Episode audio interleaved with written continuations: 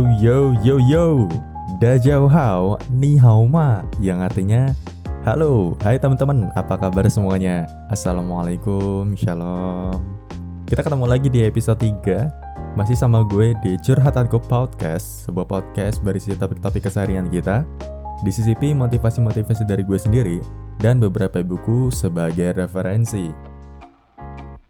Nah sesuai janji gue di episode yang lalu Malam ini gue mau ngajak teman-teman diskusi tentang sebuah topik yang berkebalikan sama topik yang minggu lalu gue bawain, yaitu teman toksik.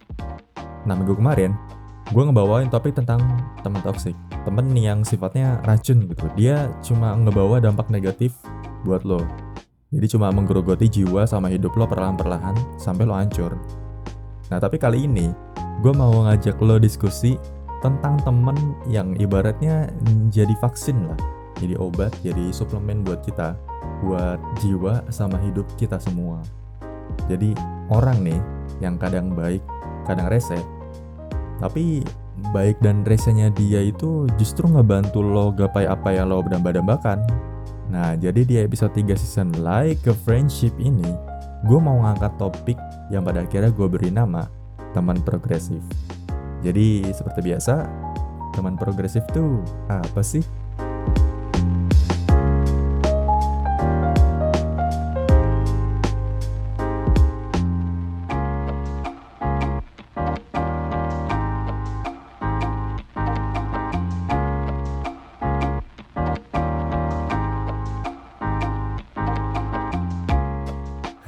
Cepat amat ya openingnya. Tapi ngomongin soal temen progresif nih ya. Sebenarnya tuh banyak banget yang pengen gue omongin dan gue pengen cerita juga nanti. Nah kalau teman-teman sadar, teman progresif tuh emang susah banget dicarinya. Karena dasarnya ya, pada dasarnya kan orang diciptakan punya kehendak sendiri. Akhirnya punya keinginan gitu kan. Dan akhirnya jatuh ke antara dua kemungkinan menurut gue sih. Jadi kemungkinannya akan lebih mulia dari malaikat atau lebih hina dari setan. Ya ini udah sering gue sebutin. Tapi makanya kan susah banget dicari gitu. Soalnya orang juga dikasih sifat egois. Jadi dia tuh punya kecenderungan buat nggak saling berimbal balik gitu. Terus-terusan ngambil keuntungan yang dia dapetin dari lo. Dan emang udah manusiawi sih sebenarnya, udah wajar. Lo juga sering gitu kan sama teman-teman lo. Dan gue juga sebenarnya masih kayak gitu sih. Tapi seberapa sering lo manfaatin temen lo itu nunjukin seberapa toksik atau seberapa progresif lo buat dia. Dan sebaliknya, seberapa sering temen lo manfaatin lo, nunjukin seberapa toksik dan seberapa progresif dia buat lo. Jadi kenyataannya, ya emang segitu ribetnya kalau kita mutusin buat menjalin silaturahmi. Tapi selama kita menjalin silaturahmi yang benar dan baik, hasilnya tuh selalu mantap betul kok saling berimbal balik satu sama lain, saling dukung, saling menguntungkan, saling support lah. Nah, teman-teman juga pasti sering ngebahas ini sih gue yakin. Walaupun dalam istilah yang berbeda. Teman-teman gue di sini lebih banyak nyebut dengan istilah teman sefrekuensi. Beberapa bilang teman produktif, ada yang uh, sepemikiran dan macam-macam lah.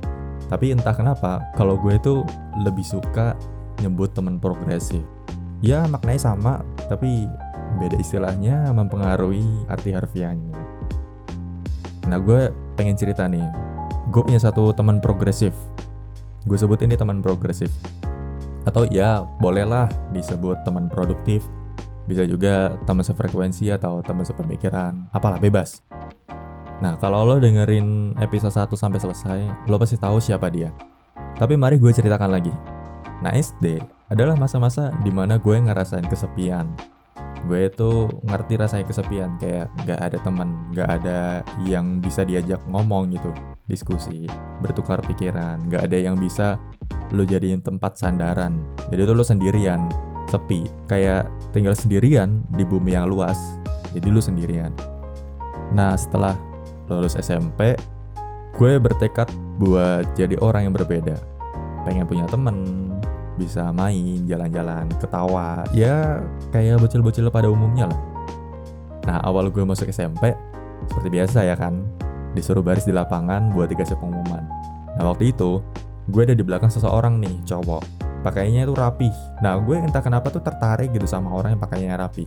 karena waktu SD gue nggak pernah pakai pakaian yang rapi gitu makanya gue tertarik banget nah ini ada orang di depan gue pakainya itu rapi jadi gue tepok pundak dia terus gue bilang Hai nama lu siapa? Terus dia bilang namanya Abdul. Dan di situlah awal mula banyak hal terjadi di hidup gue.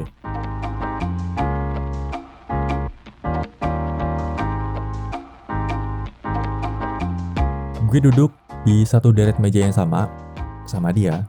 Seperti biasa gue tuh suka duduk di tengah-tengah kelas. Soalnya gue tuh nggak suka duduk di belakang karena kotor atau di depan. Soalnya suka dijadiin bahan korban tulis jawaban ke depan sama guru. Jadi kalau misalkan guru nyari korban-korban siapa yang jawab pertanyaan di depan? Ini murid-murid depan biasanya yang dipanggil. Jadi ya gue ambil tengah aja. Nah awal mula ya canggung kayak biasanya lah. Jadi baru pertama kali ketemu baru pertama kali kenalan terus canggung-canggung. Sampai ada di satu momen gue ini ketua kelas dan harus mulai ngurusin anak-anak kelas kan. Nah pada akhirnya gue baru pertama kali jadi ketua kelas dan gue pusing banget ngurusin bocil-bocil dari berbagai habitat yang berbeda. Itu gue di SMP negeri tuh rasanya kayak di penampungan. Beda-beda orangnya macem-macem. Nah pada akhirnya karena gue pusing itu kan gue suka nyanyi-nyanyi sendiri. Nyanyi gak jelas lah nyanyi aja gitu. Lagu-lagu yang banyak gue sambung-sambungin gitu eh gak taunya dia tuh gebrak-gebrak meja gitu sesuai beat lagu yang gue nyanyiin. Kalau nggak beat dia gebrak mejanya tuh jadi asik gitu jadi kayak pengiring ya. Jadi dia tuh ngiringin pakai meja dong. Dan awal mula gue deket sama sahabat gue ini itu sejak gue sama dia akhirnya suka bareng-bareng ngisi jam kosong. Gue nyanyi-nyanyi terus diiringin sama irama mejanya dia. Dia jago banget pokoknya geblak-geblak udah kayak pemain gendang lah udah-udah cocok banget kayaknya kalau direkrut sama Pandora. Itu sekelas berisik banget itu gebrak-gebrak meja doang. Berisik sama suara gebrak meja di gue doang gitu. Itu sekelas berisik banget. Nah gue masuk ekstrakurikuler yang beda sama dia. Gue pas kibra dia badminton. Tapi adanya perbedaan itu lambat laun malah bikin gue ngerasa terlengkapi. Karena gue suka cerita apa yang terjadi di ekskul gue cerita ke dia dan dia juga suka ceritain apa yang terjadi di ekskul dia ke gue akhirnya kita belajar kalau nggak ada satupun manusia yang sama kayak manusia lainnya gitu. Jadi pada dasarnya tiap orang tuh beda gitu. Nah singkat cerita, gue pisah kelas pas kelas 8. Jadi gue 86, dia 84. 8 waktu itu 8 sampai 15 gila ya satu angkatan 15 kelas satu kelas 40 orang uh berapa tuh uh banyak banget ya lah 600 wah gila 600 orang satu angkatan nah di masa ini gue ada di puncak pubertas. Gila banget sih waktu itu gue ngerasain, wah tertekan banget sama pubertas. Nah semakin renggang gue sama dia di semester 1. Jadi semester 1 pas kelas 8 itu tuh gue semakin renggang karena ya gue lagi ada di puncak-puncaknya pubertas kan. Dan gue emang lagi ya ada masa bucin-bucin waktu itu. Tapi karena semester 2 mulai sering main bareng lagi, ketemu lagi gitu. Terus ketemu junior badmintonnya dia, namanya Stefan semakin beda karakternya tapi kita bertiga tuh mau memahami satu sama lain ini gue sama Abdul sama Stephen ini bener-bener punya karakter yang berkebalikan gitu. jadi gue gimana Abdul gimana Stephen juga gimana jadi pokoknya aneh lah pokoknya kenapa bisa berteman tuh? Ya intinya karena mau memahami satu sama lain. Akhirnya setiap istirahat gue sama dua teman gue ini selalu makan bareng. Gue sama Abdul selalu bawa bekal dari rumah sedangkan Stephen beli nasi kuning dulu atau beli mie dulu di warung. Nah gue sama Abdul selalu nungguin Stephen selesai pesan kan baru mulai makan bareng. Waktu makan gue yang paling sering ngebuka topik. Gue ngajak diskusi beberapa hal yang waktu itu terjadi di sekolah gue. Sering terjadi di sekolah gue. Karena gue juga ketua osis gue bingung gimana caranya menarik perhatian satu sekolah ya kan? Jadi gue cerita sama mereka apa yang terjadi sekarang itu. Dan mereka mau ngejawab gue gitu. Dengan berbagai argumen-argumen yang ngelantur lah.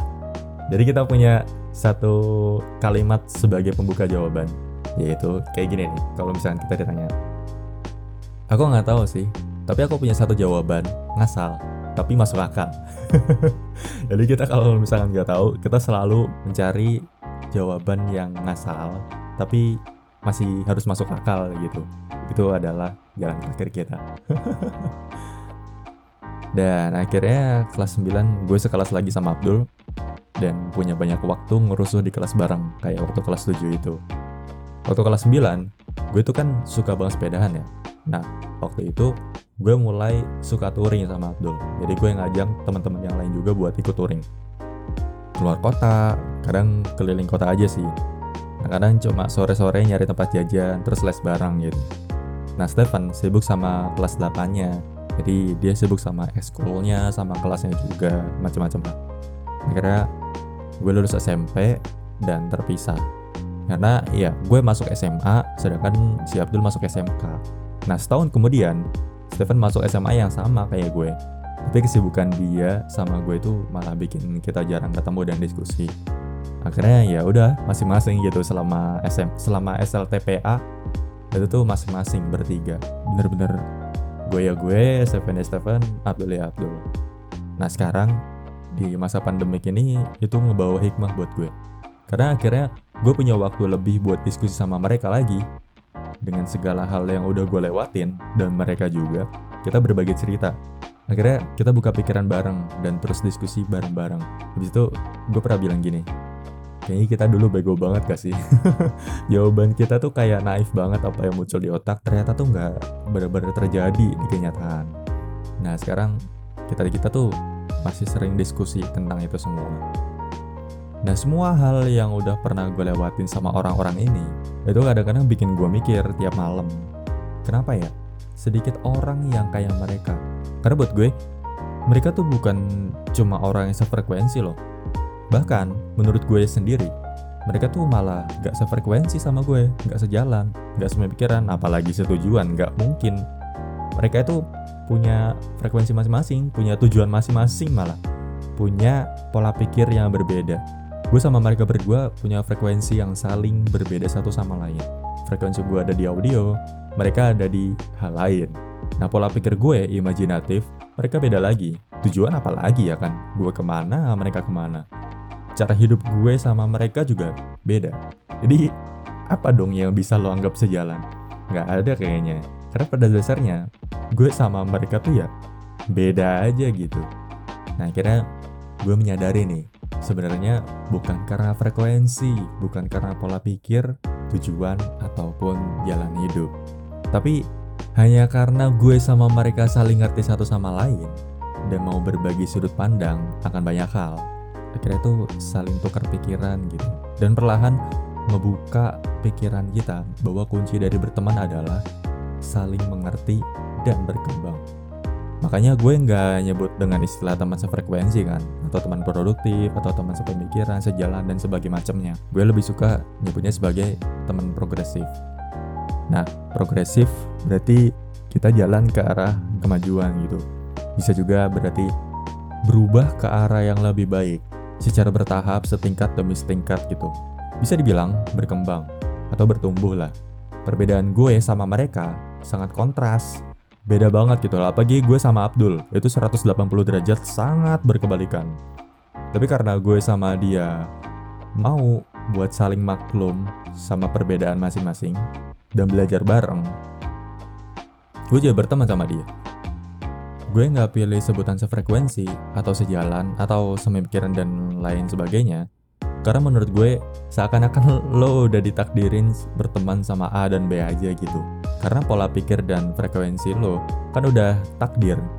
Jalan hidup lo juga udah ditakdirin kan. Jadi kayak lo tuh nggak bisa berteman sama C, D, dan E karena pola pikir lo udah ditakdirin cocoknya sama A dan B. Padahal sebenarnya lo bisa lo bisa tapi lo mengotakan pertemanan itu. Jadi ya kan nggak fair. Udah begitu ada teman-teman kita yang kayak gitu bilangnya jangan milih-milih teman tapi dia sendiri milih-milih teman gitu. Nyari orang yang cuma sejalan sama dia aja gitu. Kan kampret nih orang. Nah jadi buat gue nggak ada teman sefrekuensi. Nggak ada teman sejalan nggak ada teman sepemikiran se apa pun tetek bengeknya lah.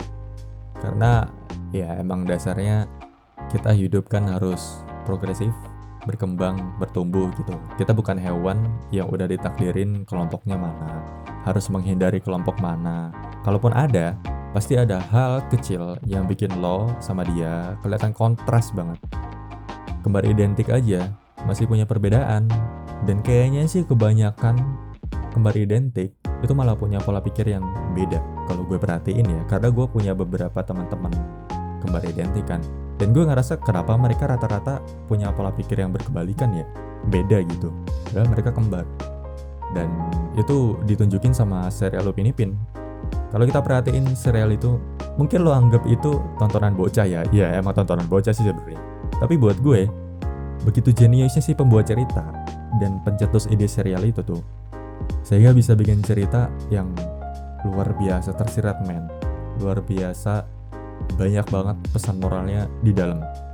Menurut gue, serial itu kan nyeritain di mana ada dua anak kembar yang mirip banget. Tapi tetap punya hal kecil, satu hal kecil yang membedakan mereka. Bikin mereka tuh kerasa kontras banget. Entah itu detail kecil badannya atau emang pola pikirnya. Dan hal kecil itu bikin kita bisa ngebedain benar-benar kelihatan kontras di depan kita. Kalau kalau ini Upin, kalau ini Ipin gitu. Jadi meskipun mereka sama secara fisik, secara mayor, tapi ada hal-hal kecil, hal-hal minor, detail-detail kecil yang membedakan mereka, sehingga mereka terlihat kontras banget. Nah tapi Opini Pin dan teman-teman lainnya yang asalnya dari macam-macam ya, ada dari India, dari China, bahkan dari Indonesia juga ada. Mereka ini mau main bareng karena mereka mau ngerti satu sama lain. Mereka mau bertumbuh kembang, nyiptain satu lingkup pertemanan yang solid dan asik. Ya, pasti ada pasang surutnya.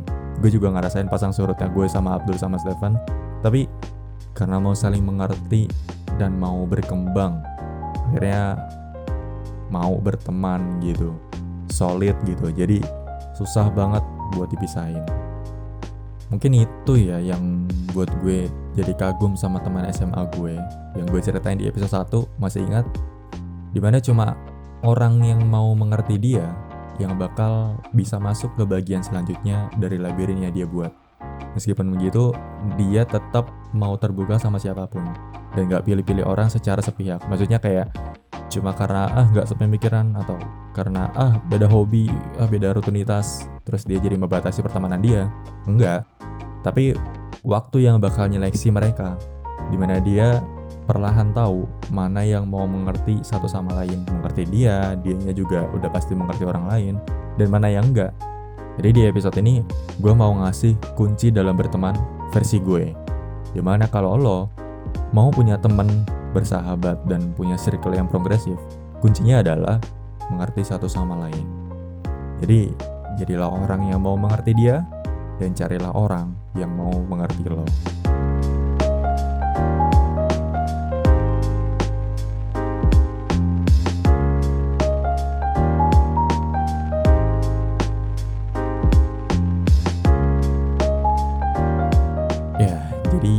Itu sih yang pengen gue ceritain tentang teman progresif seperti yang gue bilang di awal. Sampai sekarang gue masih berteman baik sama mereka dan sering diskusi tentang banyak hal. Tapi curhatan ke podcast ini kan juga punya tujuan buat memperluas pandangan gue. Jadi buat siapa pun yang mau terbuka pikirannya dan mau mengolah segala sesuatu informasi yang didapat, termasuk gue sendiri. Jadi gue mau ngajak teman-teman nih, ayo sharing gitu, ceritain berbagai hal di pertemanan lo yang mungkin sampai bikin lo kepikiran sebenarnya dia tuh teman apa bukan gitu. Apa yang bikin lo penasaran? Atau selama ini lo juga lagi nyari teman tapi masih belum nemu juga gitu. Jadi buat cerita-cerita lo berbagi aja sama gue. Jadi follow twitter at curhatanku 0103 c kapital ya. Dan jangan lupa subscribe Curhatanku Podcast ada di Anchor, Spotify, Google Podcast, Breaker, Pocket Cast, dan Radio Public. Cari aja kata kuncinya C U R H A T A N K U curhatanku dan subscribe. Share curhatanku podcast biar makin banyak yang bisa diajak diskusi dan curhatanku ini juga makin seru tiap episodenya. Kita ketemu lagi di episode selanjutnya. See you next time.